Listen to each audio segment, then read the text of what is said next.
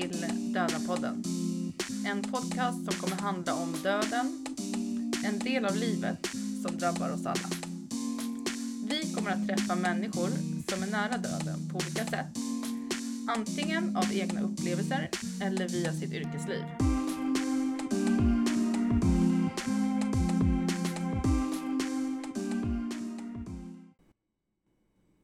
Hallå!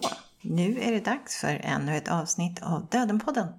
Idag så ska vi få lyssna på ett samtal med eh, Lotta Sirk och Marie Niljung. Det de har gemensamt, bland mycket annat, är att de har förlorat sina mammor. Och Marie medverkar i en antologi som Lotta har tagit initiativ till. En bok som heter När mammor dör. Ja, här ska vi få lyssna på deras erfarenheter.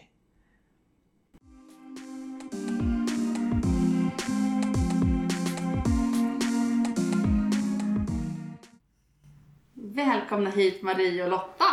Tack så mycket. Vill ni presentera er? Ja, det kan vi göra. Jag heter ju Lotta Sirk och eh, ja, vi är här framförallt för att vi skrev den här boken som kom ut för sex månader ungefär sedan som heter När mamma dör och eh, den ska vi prata lite mer om sen kanske. Ja men precis. precis. Jag kan ju berätta vad jag jobbar med också. Jag Ja. har ju en egen firma nu. Jag startade den för två år sedan ungefär. Mm. Och är gammal lärare, så jag har varit lärare i tio år. Och Mm. sen så sadlade jag om och får göra det som jag verkligen brinner mest för nu. Jag får jobba med texter, så jag jobbar som redaktör och lektör och översättare. Så jag hjälper andra författare och, och ge ut sina böcker förhoppningsvis då. Mm, vad Så roligt. jättekul! Ja, Mm. Ja. Och jag heter Marie Niljung och jag brukar säga att jag är föreläsare, författare, HR-konsult och social innovatör. Och det som jag drivs av, min livsmission är att förändra attityder kring psykisk ohälsa och att rädda liv. Mm. Sprida kunskap om hur vi förhindrar att någon tar sitt liv helt enkelt. Ja, Så jag har varit egen i tre år nu ehm, och eh, jobbar, jag brukar säga att jag jobbar med hållbar hälsa och psykisk livräddning. Att liksom, ja, Mm. Mm. så. Och eh, då kom vi osökt in på den här boken då. Mm. Vad är bakgrunden till att ni ville skriva den? Jo, men det, den här boken har ju funnits med mig i så många år. Jag förlorade min mamma när jag var 15 och har ju i alla år letat efter texter och, av kvinnor och flickor i samma situation. Mm. För jag har alltid varit en sån person som vill lära mig av andras erfarenheter. Jag vill läsa om, om hur andra liksom har upplevt saker och ting och tror att jag kan lära mig av det. Och det har inte funnits. Nej. Eh, och förutom det har ju funnits vetenskapliga texter och sådär men inte just här upplevelsebaserade berättelser. Nej. Och sen på 90-talet så hittade jag två stycken böcker, en i England och en i USA. Mm. Och den här i USA då, det liksom blev en bestseller. Den, den är översatt till 17 länder och den, var, den kallas nästan för Bibeln kan man säga i det här ämnet. Hope Edelman har skrivit den, heter Motherless Daughters. Aha, ja. Den är jättestor liksom. Ja. Och då tänkte jag, så var min första idé, men den här måste jag försöka ta till Sverige. Så Ja. då ville jag översätta den. Det var den första tanken. Och sen hade jag sån himla tur så att för precis när, innan pandemin drog igång ordentligt så skulle jag till USA och till Mexiko. Mm. Och då hade jag möjlighet att träffa henne så det var ju bara hur häftigt som helst. Så att vi Ah. fick käka lunch i USA, jättehäftigt. Ja. Och så satt vi och pratade om det här, hon var eld och lågor och tyckte gud vilken bra idé liksom. Och jag tänkte det här är ju precis okej, ska alla ha översatt den här boken? Måste ju Sverige också vilja det. Ja. Så kom jag tillbaka till Sverige och det ville inte förläggarna här, de var inte så intresserade. Nej. Dels för att det var inte svenska erfarenheter, man vill ha svenska författare. Okej. Och nummer två att den var ganska gammal. Alltså den gavs ut mitten på 90-talet. Ja, ja. Ja. Eh, och då tänkte jag, men 17 då gör jag det själv! den måste ut liksom. Det Ja. måste komma en sån här bok. Och då började jag ta kontakt med en massa olika kvinnor och eh, ja, helt enkelt satte igång det här projektet. Och sen så fick jag som tur var ett förlag också som var intresserade av att ge ut boken. Och på den vägen är det. Ja. Nu har varit ute ett halvår. Men då blir jag nyfiken på att, att det låter ju som en, nischad, att liksom, som du sa, så barn som har förlorat sin, sin mamma.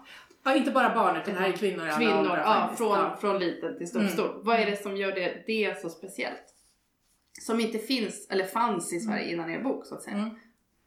Ja, säger jag som blev tillfrågad och det känns ju oerhört ärofyllt och på ett sätt att hyll, få hylla min mamma. För Jag har ju förlorat både min mamma, Kerstin, i psykologiskt olycksfall som jag föredrar att säga suicid. Och jag har även förlorat min pappa på samma sätt. Så jag har liksom dubbel förlust. Mm. Men det, det här, jag gillar så mycket att det, vi är olika kvinnor i olika åldrar när vi både har förlorat våra mammor Mm. och även när vi skriver. Men för mig blir det ett sätt att få hylla mamma eh, och berätta och sprida kunskap om att här behöver vi öka kunskapen. Så Ja. att, eh, Mm. ja, inte om det var, blev svar på frågan men det var ju Mm. därför jag tyckte det var så härligt att få vara med. Mm. Jag kan fylla i lite grann. Jag tror någonting som jag har saknat då, det är just det här att man diskuterar lite grann hur har folk tagit sig vidare? Det hade jag behövt läsa om när jag var yngre. Ja. Att det finns många som skriver om att det var, det var jobbigt och jag upplevde det så här och så vidare. Men, men hur gör man för att leva med den här sorgen då? Jag var 15 år, jag menar det, jag hade ingen aning om hur gör man? Hur gör man som människa när man inte har sina föräldrar? Min pappa fanns ju men han var inte så aktiv om man säger så. Så det tror jag är något som är väldigt nytt. Att alla vi har liksom, det finns väldigt mycket hopp i boken att vi ger väldigt mycket tips om hur vi gjorde för att klara av det. Ja. Inte som en manual men liksom livstips. ja, ja precis. För Det skulle jag säga är nytt. Det är ju verkligen viktigt. Ja, Det tänker jag själv. Bara just att se ett hopp. Det Mm. kan ju göra skillnad verkligen. absolut. Så att, absolut. eh, Mm. Det ja. känns som att det fanns ett hål att fylla. Och sen i Sverige, vi pratade väldigt mycket om det nu innan, att det, man pratar inte så mycket om det här ämnet överhuvudtaget. Och det vill Nej. vi lyfta. Ja. Man säger till och med om jag dör. Ja. Ja. Intressant. det gör man ju. När, när jag dör. Eh, Så vi, vi behöver ju prata väldigt mycket mer om, om döden i det här Mm. landet. Mm. eh, För det är en del av livet. Mm. Vi behöver rusta oss för att döden kommer Ja. att komma. Ja. Eh, Och för mig, när jag började föreläsa om min, min historia så är det liksom tre budskap. Att första är att kunskap och mod räddar liv. Och att jag vägrar skämmas för mina föräldrars sjukdom och död. Mm. Och sen att visa det går att ha ett gott liv fast man har min historia. Jag är inget offer. Mm. Att visa, ingjuta hopp att även om det är överjävligt just nu så går det att komma vidare. Mm. Jag har ju fått göra fantastiskt mycket roliga saker nu som Mm. jag aldrig skulle kunna drömt om. Och det är för att mina föräldrar har dött som de har dött. Och, och, och ingjuta det i både den som kämpar eh, Mm. av olika anledningar men också den som har förlorat. Så Mm. det, och det tycker jag verkligen den här boken har Mm. eh, bistått med. Eller vad man ska säga. Jag satt och tänkte på det faktiskt när jag körde hit i bilen och jag blev faktiskt rörd till tårar. Det, det, det häftigaste som hände mig nu efter det här med att vi gav ut boken var att en av mina döttrars kompisar, en flicka, hon förlorade sin mamma för några år sedan. Mm. Och min dotter är, min yngsta dotter är, fyller 18 i sommar, hon är lika gammal. Och hon, hon var väl min ålder då när hon förlorade sin mamma. Mm. Och att få, att få ge henne en bok och få, alltså Mm. det, är, det var så stort för mig. För jag Mm. tänkte just när, när jag hade tanken på boken, man bara kan hjälpa någon flicka liksom, som Mm. var som jag, som behövde det här. Mm. Ja. Ja, det var så jäkla starkt. Och sen så la hon ut på Instagram liksom efteråt så här, åh vilken fin bok, tack. Och så här, Ja, jag ja, men är Mm.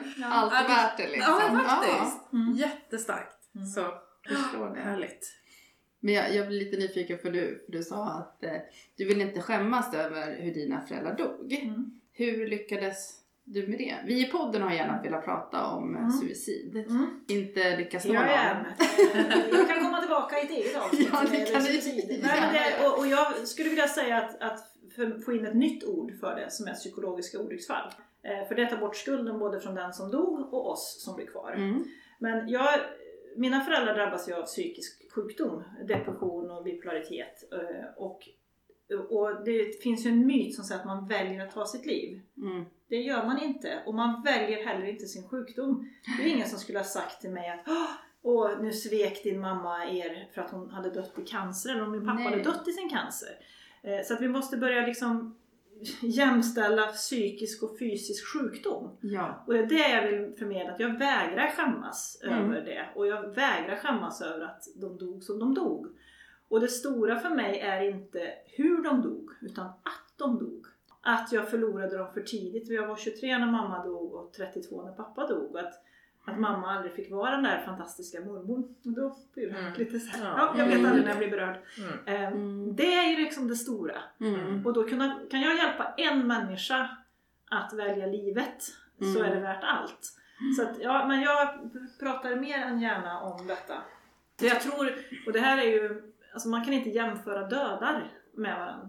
Det. Nej, det, det nej. går inte och, och man kan inte jämföra Sorg kan man inte sorg. jämföra. Nej, och det är liksom, vi, är, vi, är, vi tre är olika här. Mm. Det finns processer. En, jag levde på ganska som vanligt för jag upplevde att jag hade inget annat alternativ. För Nej. jag är en doer. Ja. Det hade, för mig hade det inte funkat med något annat sätt. Men om jag hade varit någon annan så kanske jag hade legat på soffan i tre Mm. månader. Mm. Och det måste vara lika okej. Att man får sörja på olika sätt. Absolut. Men det som gör det problematiskt med suicid eller psykologiska olycksfall är ju just den där skulden som Mm. kanske man inte har i andra sjukdomar Mm. eller i andra olyckor. Mm. Ja, och jag tänker också omgivningen kanske blir mer osäker. Mm. Att det på något sätt är något laddat. Mm. än om det hade varit en cancer eller... Mm. Mm. Men hur, om man nu får sprida lite hopp då? Ja. För ni antar att ni har ändå det berättelser i boken som ger Mm. hopp. Hur, har ni något exempel eller några egna exempel hur ni har hanterat förlusten? Alltså förluster, jag hade väldigt svårt att prata om min mammas bortgång i många, många år. Och jag tror att jag dels lärde mig det hemma. För att jag, det var så i min familj och min släkt. Att man pratar inte om det här. Det, för mig har det varit ganska förödande. Jag tror att man, för mig, det hade varit bra för mig att prata om det helt enkelt. Så jag gick och bar på det inom mig alla, alla år liksom. Och försökte köra på. Vara som vanligt. Mm. Man vill ju inte vara den där ungen som har förlorat mamma heller. Man vill vara som alla andra i den här åldern. Liksom. Och, så att, och, och, sen så när jag blev äldre och fick mina egna barn så var det svårt för mig att prata med min mamma. Det tog emot. Det, det gjorde för ont. Liksom. Mm. Och till saken hör också att min farfar fick jag reda på i vuxen ålder tog, tog livet av sig. När min pappa var ung. Och jag, hans namn har aldrig nämnts. Det har tystats ner. Oj. Och då kände jag liksom, men gud jag börjar falla in i samma mönster här och inte prata om min mamma. Precis som min pappa och hans släkt inte pratade om farfar. Det här vill inte jag. Nej. Så att då försökte jag göra någonting åt det. Åt på sorgkurser, gjort alla möjliga olika saker. Och liksom pö om pö har det börjat släppa. Och nu säkert det här med boken har också varit väldigt läkande för mig. Att få prata med alla möjliga människor om det. Alla fina Mm. kvinnor som är med och har liknande upplevelser. Ja. Så tips att prata om det Mm. och hitta sammanhang där folk lyssnar. Och kanske inte att man behöver så mycket tips utan bara att det är okej att prata om det här ämnet. Tillåtande sammanhang. Mm. Men hur var det att, att hålla det inne undrar jag? Inget bra. Inget bra. Nej men det är ju ja, hur det var. Det, det är ju liksom, jag tror inte att man, jag var inte hel som människa liksom. Det, jag blev, som sagt det yttrade sig så att jag inte kunde prata om det. Nej. Att det gjorde för ont. Och det är ju hemskt att inte, jag menar, för mina barn framförallt då inte få veta någonting om sin mormor och allt det där. Liksom. Det, Mm. det var tungt. Och just det här, man lär sig så snabbt liksom, folk så här börjar skruva på sig. Och man blir, jag sa, jag skrev det i boken tror jag, att man blir lite som jag inbillar mig att man är om man är liksom föräldrarna är alkoholister, att man ser tecken direkt så här, nu ska jag göra, nu ska jag inte göra sådär, nu ska jag på ett annat sätt. Och så har det Ah. varit för mig i alla år, att man ser så här, folk börjar byta ämne och tycker det är obehagligt. Jag, pratar, jag är 17 och pratar med döda mamma, liksom, det är ju helt, det är partypooper blir man ju direkt liksom. Ja, ja, Så. ja, Ja, Så att, eller hur? ja, Mm. ja, ja, men- ja. Ja, jag förstår. Men jag skulle också, Mm. alltså, vad vill jag vi förmedla? Och det är ju verkligen det som har hjälpt mig genom alla mina sorger och alla, allt som är tufft. Det är ju att jag delar med mig. Mm. Mm. Att jag pratar och skriver och delar med mig. Det är ju liksom det Mm. som, som helar mig. Sen är vi olika, så alla kan, men jag tror Mm. ändå att, att det här att bli lyssnad på, Mm. oavsett om, vad man har för personlighetstyp eller vem man är, Mm. så är det så viktigt att bli lyssnad på. Mm. Mm. Helt utan att få massa fiffiga tips. Precis. Absolut. Man blir Vi har två sak. öron och en mun. Och då våga Mm. sitta i den där tunga sorgen som det är Mm. och dela den. För jag brukar skriva när jag skriver i, i vår bok att delad glädje är dubbel glädje Mm. och delad sorg är halverad sorg. Mm. Och jag tycker verkligen om det för att Mm. delar man sorg och annat så blir det lättare. Mm. Så det, att dela med sig och prata är väl Mm. det vi vill förmedla. Ja men absolut. Mm. Och det går ju som en röd linje tycker jag i våra berättelser också. Att det är många som inte känner att de har fått göra det riktigt. Ja, för det var min följdfråga. Hur, Mm. hur har omgivningen varit för att kunna då dela med sig? Eller liksom? Du menar nu när boken kom ut eller? Nej, jag menar av egna, era erfarenheter. Eh, för mig, min mamma gjorde ett allvarligt suicidförsök när jag var 20 år. Som hon överlevde och jag brukar säga att det är tack vare det som jag kan sitta här och vara en rätt så hel människa och utan skuld. Mm. För jag fick ju möjlighet att sitta med henne och vara arg och ledsen och förbannad och fråga hur fan tänkte du liksom? Skulle du Mm. lämna oss? Och hon förklarade att hon trodde ju på riktigt att vi skulle få det bättre. Mm. Eh, och att hon bara var en börda. Och det här är en ganska vanlig biverkan skulle jag säga av en depression eller annan ohälsa. Att man, man tror faktiskt att man ska bli bättre Mm. för de andra. Eh, så det här att det skulle vara egoistiskt att ta sitt liv, det är någonting helt annat skulle jag vilja säga. Eh, men att jag fick någon slags förståelse för att det var en sjukdom. Eh, och jag, kunde, jag har ju såklart gått en hel del terapi som man har fått leta själv. Det, var, ju- det finns ju inget system som klickar in så. Men just att, att jag blev, fick möjlighet att, att prata med henne och få en förståelse för så har det varit lätt. Jag har, inte liksom, hitt, jag har liksom varit öppen med min förlust. Mm. Dels med mamma och sen så, ja det kanske är bra att ha förlorat båda tidigt, jag vet inte. Alltså, men Mm. någonstans så blir det en erfarenhet. Mm. Men att, ja det tror jag har liksom hjälpt mig att jag, jag var öppen direkt. Mm. Jag behövde inte stänga in. Sen är, Mm. så att, ja. Och det är, skillnad, Mm. det är skillnad på år också. Ja, det är du var skillnad. 15 år och det var länge sedan. Det är stor skillnad också. Så att Mm. 80 och 90-tal skiljer sig Det åt. är också skillnad. Jag skulle säga en annan sak som jag vill flika in där. Att det kan, det är ju för att folk är tysta, det kan ju också vara en, en sorts missriktad välvilja. Ja. Att folk tror att de inte ska göra oss ledsna då när vi var så unga. Så här, Åh, de vill inte ta upp ämnet för det tynger er så mycket och så vidare. Så man skulle inte bara säga att alla gjorde det för att de eh, ja, men, mm, inte vågade eller vad det nu var då. Men Nej. där, jag tror ju snarare att det är tvärtom. Ja, Ja. för det finns ju inga rätta ord att säga till någon Nej. som har förlorat. Nej. Det, och det tycker jag var jättetydligt när framförallt pappa dog. Att då bodde jag i ett ganska litet samhälle, de, många visste vad som hade hänt. Mm. En del liksom bytte sida på gatan eller Mm. gömde sig bakom chipsen och sådär. Huvudykare, så bra Ja, ord. och, och, att, och jag tror att det är en rädsla Mm. att man ska göra illa eh, någon eh, genom att dra upp. Men, men det värsta har ju redan hänt. Ja, Så budskapet till alla som lyssnar är att ja, men säg något. Säg, Ja. Jag har ingen aning om vad jag ska säga, jag Mm. vet vad som har hänt. Mm. Mm. Kan jag göra något för dig? Ja. Det är så himla viktigt. Att man blir sedd, Mm. ja. Det är Ja. det enda som behövs. Sen vad som sägs, det spelar ingen roll. liksom. Nej, och jag, jag måste nog nästan faktiskt berätta om en liten story som, som hjälpte mig enormt när pappa dog. Då, det är ju väldigt kaotiskt när någon dör. Ni vet, man ska fixa och dona och ha sig. Mm. Så kom jag hem och så, eh, jag hade två små barn, jag pluggade. Och så ringde det på dörren. Och utanför står Cecilia, en granne till min bästa kompis som jag egentligen bara sagt Mm. hej till. Mm. Höggravid och så hade hon en lasagne på maten. Mm. Och så säger hon, jag vet att dina barn gillar lasagne. Här har du middagen. Ja men gud jag blir Fantastiskt. nästan... Ja, alltså det här är så, och sen så säger hon så här till mig. Och så vet jag att du har en tenta nästa vecka. Så Mm. nu ska vi plugga. Och så kliver hon bara rätt in i min hals. Så rätt. Mm. Och det här är liksom, Ja. ja. jag, jag blir också rörd för det, är, Mm. det är det finaste och modigaste någon har gjort Mm. för mig. Hon kände inte mig. Nej. Och ändå så vågade de kliva in. Mm. Och jag kunde skriva min tenta i företagsekonomi två veckor senare. Mm, fantastiskt. Och nu är vi såklart nära vänner. Men, men just att det här att våga kliva på. Mm. Och äta Mm. ska alla, städa, ja, laga mat. Finns det barn? Ta hand om dem. Har en förälder dött? Prata om, berätta om minnen. Mm. Det är sånt som vi behöver få ut att folk behöver prata. Mm. Då måste jag fråga, hade hon varit med om något sorgligt själv? Eller hade hon erfarenhet av sorg? Inte, ja, hon är väl en klok person men Mm. inte så, inte att någon jättenära hade...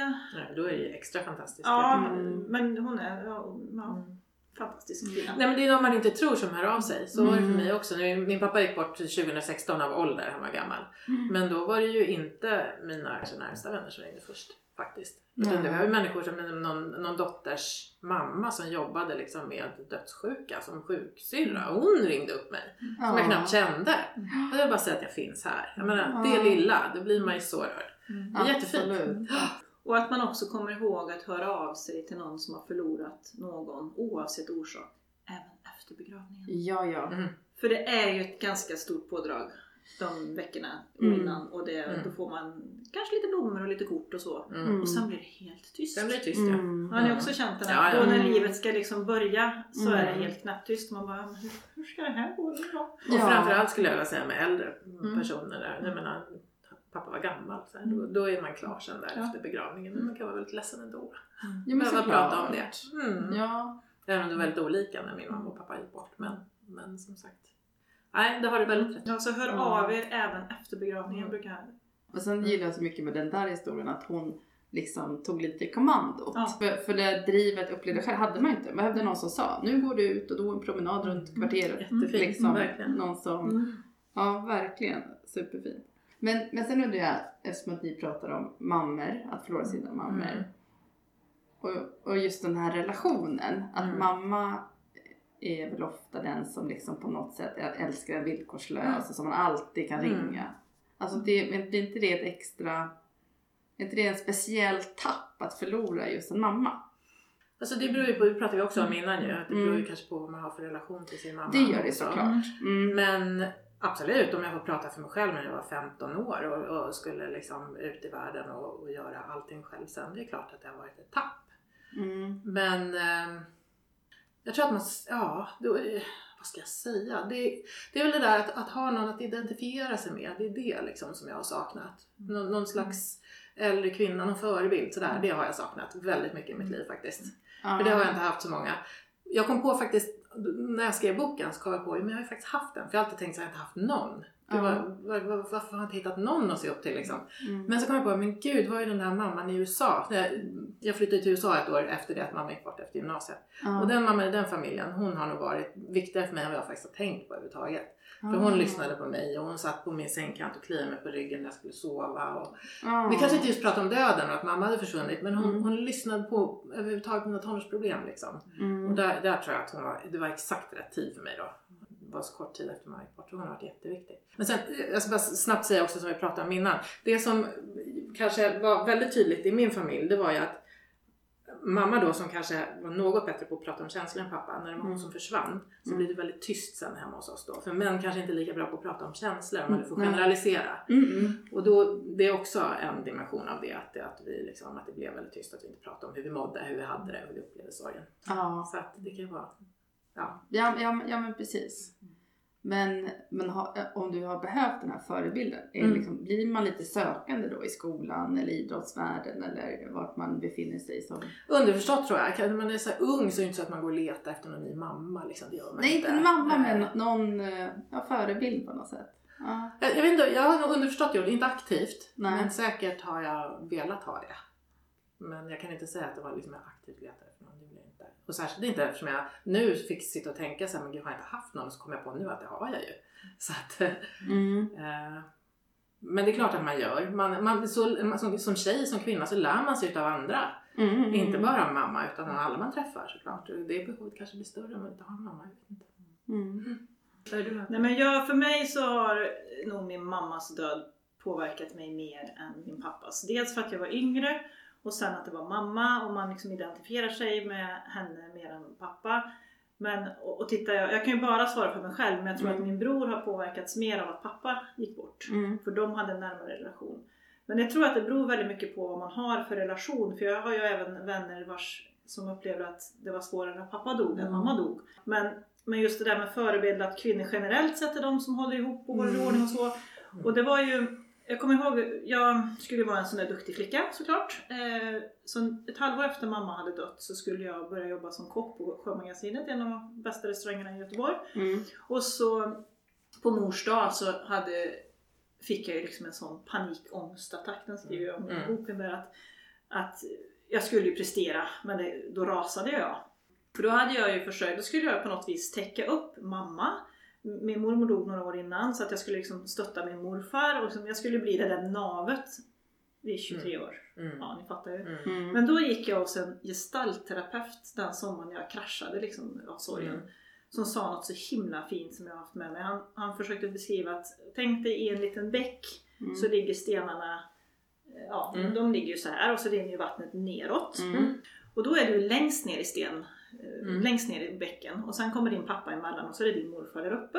Mm. Och även om han, så han som är äldst, han har levt längst. Det är inte naturligt att du ska upp i vattnet. Mm.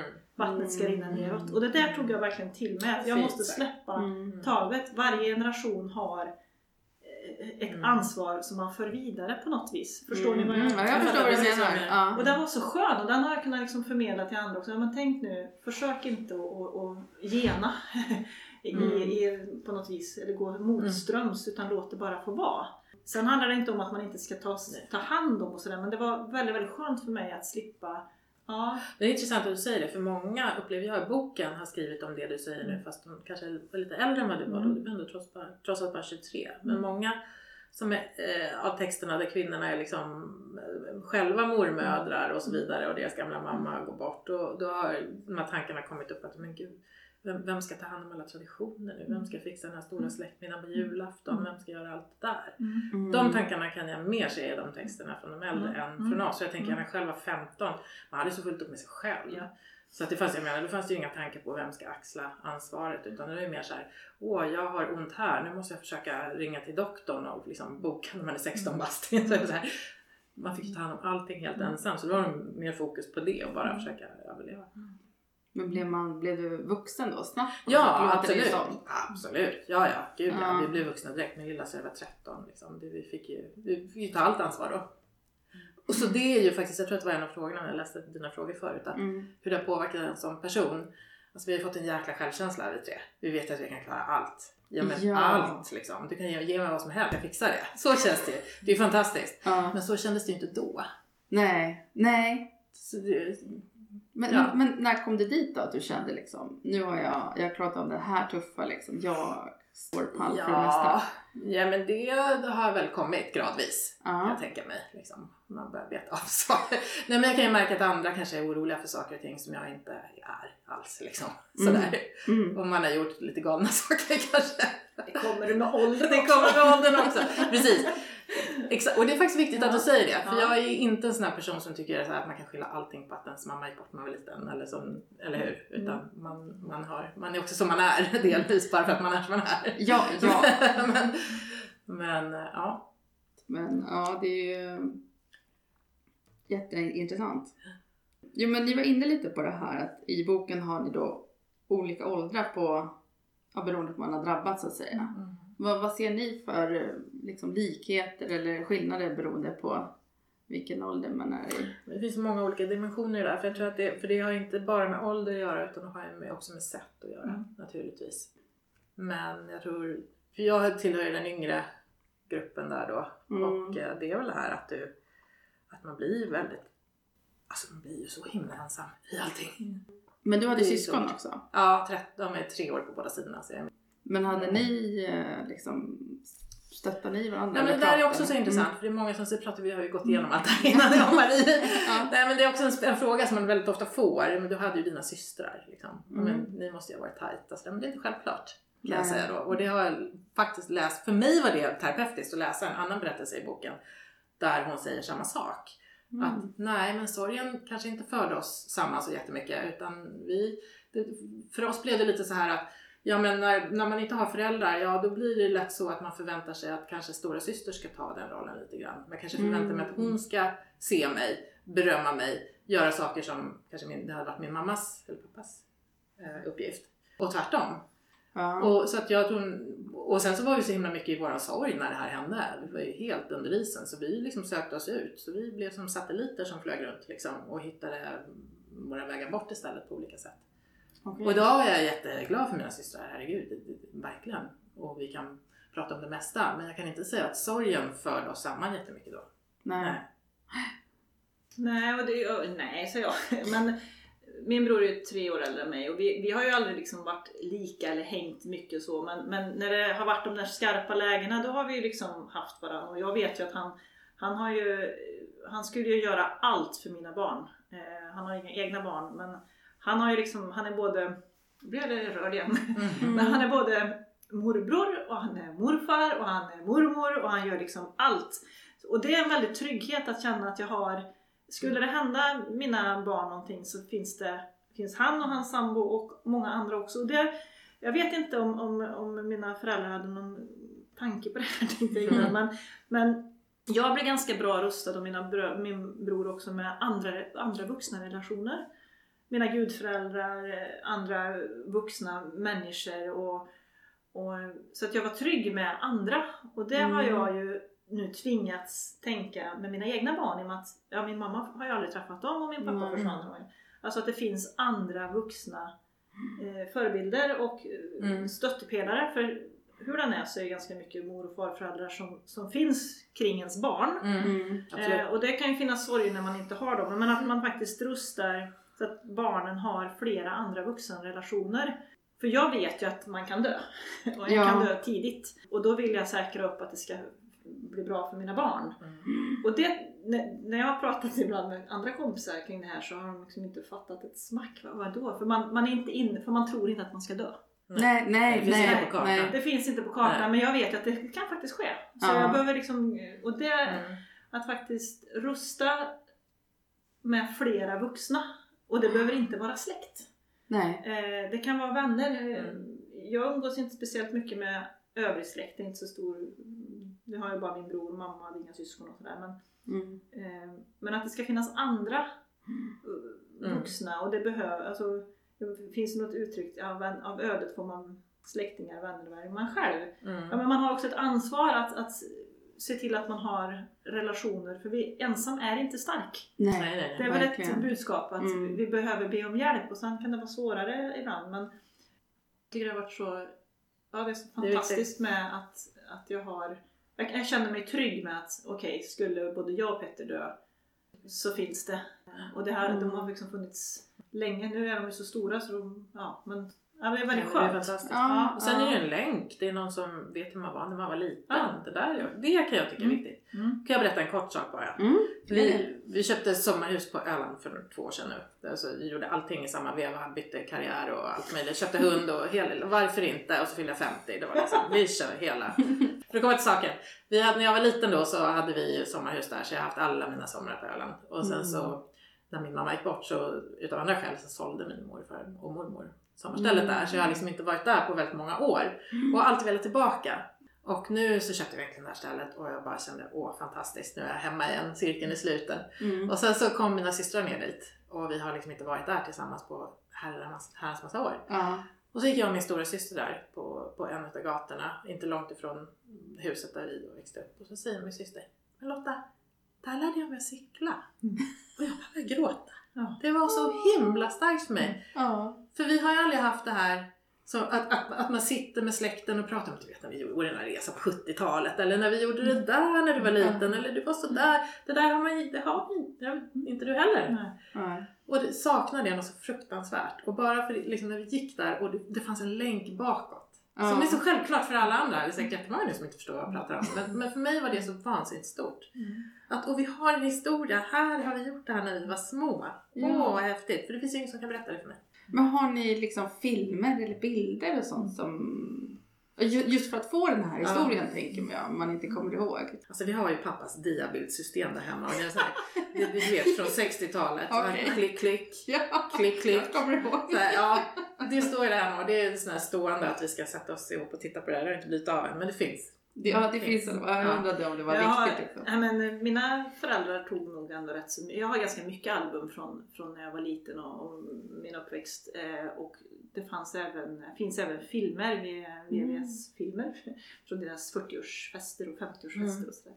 Så det finns och, och det tror jag också, jag har ju gjort album till mina barn. Eh, att de ska ha ett varsitt album och jag, vi har ett eget familjealbum. Mm. Mm. Och det är också tror jag en sån där undermedveten Mm. att jag vill rusta dem så att de har minnes, minnen. Mm. Eh, sen så kom ju telefonerna in i livet. Ja. Ja, just Så det. det var fram till 2012 eller 13 Mm. tror jag. Men, men så att jag har mycket minnen och, och jag, har hittat, jag var ju väldigt lik min mamma och det får jag ju höra. Mm. Att vi är väldigt Mm. utseendemässigt lika. Mm. Eh, och det är så roligt att få gå igenom album från både 60 och 70-talet och sådär. Jag Så att, ser det. ja, Mm. det. Väldigt roligt. Och kanske se sina barn i, i Ja. dem också. Det är Mm. ju häftigt. Alltså. Mm. Men har det varit viktigt att, att få den här liksom, ens bakgrund, en historia? Mm. Ja. Och det, Ja. i och med att det är inte så jättemånga utav dem jag umgås med idag som jag har träffat min mamma. Så att jag eh, Mm. Mm. var, när barnen var rätt små, åtta år, det är ganska många år sedan, så var vi på, på vårdcentralen i Kil där min mamma hade jobbat och så kommer det fram en kollega som liksom säger Men hej vad roligt och gud vad du är lik Kerstin. Och för mig blir det där så oerhört viktigt. Och jag har Ja. gjort några sådana grejer vid eh, årsdagar på Facebook. Är det någon som har något minne att berätta? Mm. Eh, och det är så fint att få Man är som en svamp, eller hur? Man- Man bara suger ja. åt sig alla detaljer. någon som har, Mm. ja men din mamma var ju skolsköterska och jag minns när hon gjorde det här och det här. Och det är så härligt. Så att det är väl ett tips att be om minnen. Mm. Eh, Absolut, för vi lärde ju inte, hade ju inte chans att lära känna dem så himla väl. Jag menar 15 år är inte så himla lång tid och då har man ju fokus på så mycket annat i Mm. livet. Så att det. allt jag kan få höra av min mamma, det, det lägger ju det här pusslet om hur hon var. Mm. Det blir väldigt stort. Jag Mm. förstår menar. Ja, men det är ju något man kan tänka på också nu när man lever. Mm. Att, att faktiskt filma lite och ja, men, Ja, absolut. dokumentera lite. Absolut. mm. Jag har en, alltså jag har ju haft en annan bokidé att jag skulle skriva om de här två dödsdagarna så att säga. Vad hände runt omkring och Mm. viktiga. Och min, min extra mamma som heter Berit som bor uppe i Ånäset som eh, mamma läste ihop med. Hon är en sån där viktig person. Och jag skulle ju vilja intervjua henne, eh, Mm. verkligen sitta så. Och även med, med Annie som pappa levde ihop Mm. med och mina gudföräldrar Mm. för att få liksom he, alla, både positiva och negativa Mm. sidor. Mm. Det är klart att det fanns eh, De är ju människor. människor Ja. precis. Ja, precis. Men att faktiskt Ja, att man tar vara på att, och det skulle Mm. man ju kunna ägna den här coronatiden åt, att intervjua sina Jag gamlingar. har samma sak på min lista. Mammas bästa väninna och det här. Ja. Åh, Och att man kanske kan Mm. alltså, föra ihop generationer. Mm. Ja, ja. Jag vill verkligen också göra det. Vad, eh, vad var hjälpsamt för er efter att ni förlorade er mamma? Och vad var icke hjälpsamt också? Och jag skulle säga att det är relationerna till andra människor som har varit, eh, när, Mm. de här som bara klev in. Eh, min bästa vän Sara, min gudmor, Mm. Petter, min man. Eh, som bara slöt upp. De släppte vad de hade och så kom hem till mig och min eh, bror. Och det var ju lite speciellt när mamma dog för att min bror var på semester med sin sambo och hennes två små barn. Han hade ju ett halvår tidigare fått diagnosen bipolär sjukdom Mhm. eh, manodepressiv som det heter förr i världen. Eh, och mamma dör när de är borta. Och det är just det här, vad gör vi? Ska vi ringa? Eller ska vi vänta? Mm. Ja. Och det var väldigt, väldigt speciellt. Eh, för när jag kom till pappa som då bodde i Lidköping så kunde ju inte jag svara i telefon ifall att det skulle varit min bror som ringde. För då skulle han ju fatta direkt. Mm. Men vi bestämde oss för att nej men vi, vi låter dem få ha sin semester. Vi utsätter Svårt. inte eh, dem för den här belastningen. För det var ju redan för sent. Mm. Mamma skulle ju inte vakna. Mm. Det, hade, det hade varit ett annat läge om det hade varit på, döds, på sjukhus. Så. Just just det. Ja. Eh, och jag minns och det här var liksom jobbigt och hur ska han ta det? Och så när de kom hem så hade vi liksom hennes syskon slutit upp och så var jag och mina med. Och direkt när min bror klev ur bilen så säger han bara hon är död va? Kände Direkt. sig. Han kände på Mm. sig. Och de hade setts innan de hade åkt iväg på semester och så att det var något liksom. Mm. Så hon hade kanske bestämt sig redan innan. Eh, och, och då han hade haft en sån där konstig känsla när de var borta och sådär. Men han, han, han har i alla fall inte sagt att han tyckte vi gjorde fel. Mm. Men det var väldigt jobbigt att eh, ta det här beslutet. Men det var ändå... Och då var det återigen viktigt med att vi hade människor runt omkring Mm. oss. Så att det, att ha... Ja, det som har varit hjälpsamt det är när människor kommer med lasagne, kommer Mm. hem, fixar och är där och så att man får älta. Mm. Eh, Det är inte hjälpsamt att få fiffiga tips på att du ska se att eh, tiden läker alla sår eller få det här som vi också pratat om. Men gud, jag skulle aldrig överleva, hur orkar du? Mm. Ja, den har man hört ja. Ja. Jaha, vad är alternativen? Jag har två små barn. Eh, Precis. Ska. Mm. vet du, tror det eller ej, men man överlever väldigt mycket mer än vad man tror. Så att, mm, Det här när folk ska jämföra liksom. Att någon annan sorg då är värre eller att ja men du Ja. hade ju ändå så här och det var väl ändå så här liksom. Det Ja. måste varit bättre för dig än för den andra personen vars, inte vet jag, gick bort liksom. Ja men, ja, men det, det, ja, det där känner jag igen. Ja, Just det. man ska Ja. jämföra. Men Man- det spelar vill inte liksom- mig någon roll i min sorg där då. Det går inte att jämföra. Nej. Men jag, jag tänker på allt det där du säger. Jag vill ju hålla med om det. Och nu låter jag så bitter, men jag hade inte det. Jag hade inte någon som slöt upp. Och det är också ett skäl till den här boken. Mm. Att har man inte det så kan man läsa de här berättelserna. Mm. Och ja, jag menar mig, det leddes ju för mig då till att jag inte kunde prata om det. Så det har inte varit bra. Och därför vill jag ju säga då vad skulle vara hjälpsamt att Mm. prata om det. Ja. Och jag tror, vi hade en föreläsning ute i biblioteket där jag bor. Var en mamma just som hade förlorat ja, pappan till barnen. Hade. Hon frågade just, min, min, min son verkar inte vilja prata om, om det här. Mm. Liksom. Vad, vad är era tips då som har varit med om det här? Så, men jag är ju inte terapeut men, men jag kan ju i alla fall säga att fortsätt att prata. Fortsätt du som förälder att prata och fråga. Sen Mm. får ju han välja då om han vill svara eller inte. Mm. Men det är värre när det är föräldrar som slutar fråga och är tyst. Mm. Då lär man sig det. Och det Mm. kan, det, det kan få hemska följder.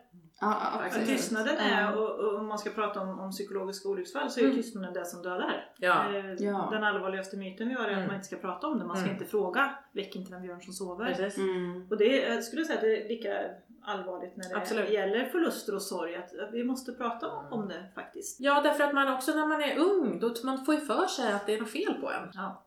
Och sen, det kan ju gå många år, man kan fortfarande vara väldigt ledsen därför att det är obearbetat. Mm. Så var det för mig. Mm. Mm. Och jag tyckte ju, men vad fasiken, nu borde jag vara färdig med det här liksom. Men om man inte får bearbeta då kan det ligga där jävligt länge alltså. Ja, ja. ja men, så, men så är det ju. Mm. Ja. Mm. Så att prata, prata, prata. Jag tror att det är nästan vårt Ja, starkaste ja, det, budskap. ja, Ja. det hör ni ju. Ja, nej, men verkligen. Ja men eller Ja, Prata, skriva, ri- måla. Och samtidigt så vill man ju inte tvinga Ja. sig på dem men i alla fall visa att det finns en öppenhet för det. Och att, att göra konkreta saker, för det oavsett hur människor har gått bort och vilka relationer man har så Ja men hör av dig om du behöver hjälp med något. Hur fan ska jag veta vad jag behöver hjälp med? Jag står, klarar jag kanske inte ens komma upp ur sängen. Nej. Hur ska jag orka ringa någon? Att Ja. våga gå dit. Alltså mat behöver alla. Så att, Ja. liksom, och det här ordspråket att det är tanken som räknas. Ja. Jag säger bullshit på den. Eh, så det är handling som räknas. Vi kan Ja. krossa många bitar. Ja, vi ska krossa många myter och att man faktiskt ska våga göra någonting. Eh, och, och blir det fel, ja men be om ursäkt då. Mm. Ja, Mm. exakt. Det är inte så svårare Nej, verkligen. så. Sen är det, jag, nu pratar jag som om att det är så himla lätt och det är det ju inte. Mm. Men man behöver träna. Eh, Mm. ska man kunna springa ett maraton, ja då måste man faktiskt Mm. träna Mm, och springa. Ska man bli bra att våga vara medmänniska, då får man träna på det. Och då kan Mm. det handla om att våga Mm. fråga, hur mår du idag? Jag har ju ett Mm. mantra som jag körde på dig förut. Mm. Våga fråga, våga lyssna, våga Mm. agera. Mm. Både gentemot mig själv och andra. Mm. Och då behöver vi träna på det. Mm. Mm. Det tror jag också, för att jag tror att det bottnar i en stark rädsla för det här ämnet. Och det är, Ja. ju, det är ju liksom, vi kan ju sitta här och säga hur mycket vi vill. Men alla måste fråga, ni måste fråga, ni måste prata och så vidare. Men är man väldigt, väldigt rädd för det, då är det inte så himla lätt. Så det är just träningen. Mm. Det är Ja. att man kanske gör det i skolan, att man, ja men redan när, när barnen är små, att man tar upp det här och visar Ja. att det är inget farligt. Liksom. Det är ju fantastiskt att ni har en podd. Död. Ja! det är, Precis! och, och här, ja. Ja, Mm. verkligen. Nej, men jag tycker ju verkligen att det är jätteviktigt eh, att prata om döden. Mm. Och eh, jag är helt övertygad om att vi kan göra hur många säsonger som helst. Vi har ju Ja. inte ens börjat nu- nudda vid ämnet suicid eller psykiskt Mm. olycksfall. Så att Mm. vi har bara börjat. Det är jättebra. Mm. Och vi är så glada för att vara här. Ja. Och, Tillsammans vi, med er. det, och en del säger, hur orkar du jobba med det här? Alltså det är väl det roligaste och mest meningsfulla man kan Mm. göra. Mm. Tycker jag. Mm. Ja, jag håller med. Mm. Ja, precis. Och som alla säger, men åh den där boken, nej det verkar så tungt och så jobbigt. Ja, men det finns väldigt mycket hopp och positivt i den också. Ja, men jag tror att, att det finns att det väcker någonting i en själv. Att, Mm. ja, man Det kanske själv har något smärtsamt eller vad det nu kan vara. Samtidigt så man får man ju ha respekt för att folk inte är mogna kanske. Att man Ja. inte får bli någon Nej, men absolut. profet. Nej, det är så, verkligen viktigt utan att säga. försöka. Men att, att det då finns böcker, det finns poddar. Mm. Så att man kan börja lyssna. Du kanske inte kan Mm. prata med din son om pappas död. Men du kan ju tipsa om att det finns den här podden, Mm. den här Ja, boken. För jag Mm. tror ju att det skulle behövas en bok som heter När pappor dör. Där Mm. pojkar får prata. Och när föräldrar dör. Alltså att Mm. man behöver prata och bearbeta för det, och, och ge hopp. Mm. Eh, jag tror Mm. det. Sen, sen det har vi pratat mycket om att vi kvinnorna står ju lite i skymundan. Så det är väldigt skönt Ja. att det fanns en bok för kvinnor. Ja, och sen är det ju tyvärr så att män inte läser så mycket, lika mycket som kvinnor.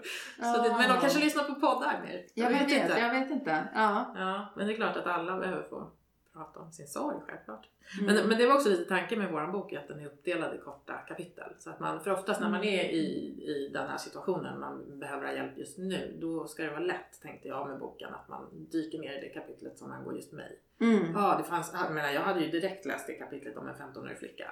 Mm. När, när jag var ung. Ja. Det hade jag ju börjat. Så att, eh, mm. ja, men det är väl jättebra att jag tänker så. att man också. börjar där, man Mm. behöver inte läsa alltihopa. Är det något mer som ni känner att vi inte har pratat om? Så vi kan ju sitta hur länge som helst. Det är jag helt övertygad om. Ja, jag tänker, jag vet inte. Eh, Jag tror ju att begravningsbyråer och begravningsbranschen och begravningar behöver förändras lite också. Det kan vara väldigt bra med tyd, alltså rutiner eller traditioner. Men man behöver också göra lite nytt. För jag har en vän vars eh, man tog sitt liv och till, kvar blev hon och tre barn. Mm. Mm. Och hur de fick smycka kistan. De fick rita på kistan och då hade, Ah. Då gäller det att det ska vara en begravningsbyrå som säger ja visst, inga problem. Mm. Mm. Så att jag tror vi behöver hitta nya sätt. Modernisera. Modernisera Ja. hur, vi, hur vi gör när någon dör. Vi kanske behöver titta på hur gör andra. Jag berättade om, om eh, jag har hört att förhoppningsvis är det inte en skröna men vi sörjer ju på olika sätt i olika länder och olika kontinenter. Mm. Men att i någon ett afrikanskt land att när någon har förlorat någon så sitter den som är eh, anhörig mitt i byn och så får alla komma. Mm. Men då är det den som sörjer som får prata Mm. och älta och berätta Mm. för alla. Och bara få, tänk om vi kunde Mm. ha så att man fick sitta Mm. och, och berätta och älta och, och liksom, för ibland behöver man ju verkligen bara få ur sig. Ja. Alltså vi behöver hitta nya vägar. Mm. Jag tror det också. Ja, det, det, det finns ju väldigt mycket eh, att göra. Mm. Och att det ska vara tillåtet att få ha ett jädra partaj om man vill Mm. på begravningen. Men en annan sak som är viktig i, när vi pratar om döden, det är också, tänker jag, att ta ställning till om ja, men donationer och sådana saker. Mm. Att man pratar om hur, hur man vill ha det Mm. eh, när en dör eh, och sådär. För att det blir så mycket enklare för den som är kvar. Mm. Eh, jag kommer ihåg August han var ju fem och ett halvt när pappa dog. Och så förklarade vi att ja, men morfar han, han kommer att kremeras och det betyder Mm. att man faktiskt eldas upp Mm. i kistan. Och, Mm. och så Annie som han levde ihop med hon, hon, eh, hon skulle vara begravd i kyrkan. Hennes man som hade dött, han låg i en kista. Så det han fick som förklarat för sig. Så gick ju han runt och frågade folk på begravningen och även Mm. annars. Ja, hur ska du göra då? Nå. Men vadå? Ja, när du dör. Ska du eldas upp eller läggas i kista? Och för honom var det liksom viktigt att Ah. få veta, och framförallt männen tyckte Mm. att det här var väldigt, väldigt jobbigt. Ja. Men det skulle underlätta så om vi pratar om hur vi vill ha det. Vill jag Mm. donera? Om Verkligen. jag kan donera? Eh, hur vill jag bli begravd? Eh, vart vill jag? Så att man slipper de där... För det är nog jobbigt som det är Mm. då. Vilken bra idé. Och sen också då återknyta till det här med skolan. Att kanske Ja. gå igenom hur en begravningsritual går, till. Ja. Ja. Jag vet mina barn då som vars kompisars föräldrar hade gått bort och de skulle gå på begravning. De var ju jättetveksamma om de skulle klara av det här eller gå dit och hur kommer det bli och så vidare. Jag menar, hur många barn är det som har varit på en begravning? De har ju, och vuxna för den delen också som inte har en aning om hur det går till. Det tror jag kan hjälpa lite. Ja. Mm. Skapa en säger om- trygghet. Ja men man vet inte om man ska klara det. Vad är det som... Ja, du kommer, antingen kommer du, du... Det finns säkert de som tuppar av av eh, gråtattack. Mm. Men jag tror inte det är så vanligt. Men Nej. man blir väldigt, väldigt förtvivlad. Men det är ju inget Det är inget farligt att ledsen. Att Nej, det är bryta det också. ihop är inget konstigt. Nej. Eh, Men det är väl, ja, återigen rädslan. Mm. Mm. Jag tänker man ska bli lite mer förberedd, att det Mm. kan hjälpa till. Jag håller med. Och jag vill tacka igen att ni har kommit och jag hoppas verkligen att vi kan ha något återseende och, Det vore och, så, jättetrevligt. och att det Ja. går väldigt bra för er bok. Vi kommer Ja. lägga ut det på hemsidan och på Facebook och sådär. Vad roligt. Mm. Tack. Mm, jätte, och det Så- känns så skönt att få sitta här och prata om döden och få skratta och dela Ja. med sig. Och, Verkligen. Ja. Det känns jätteviktigt. Jag håller, jag Det håller är det som var med. tanken Ja. med alltihop. Ja, exakt.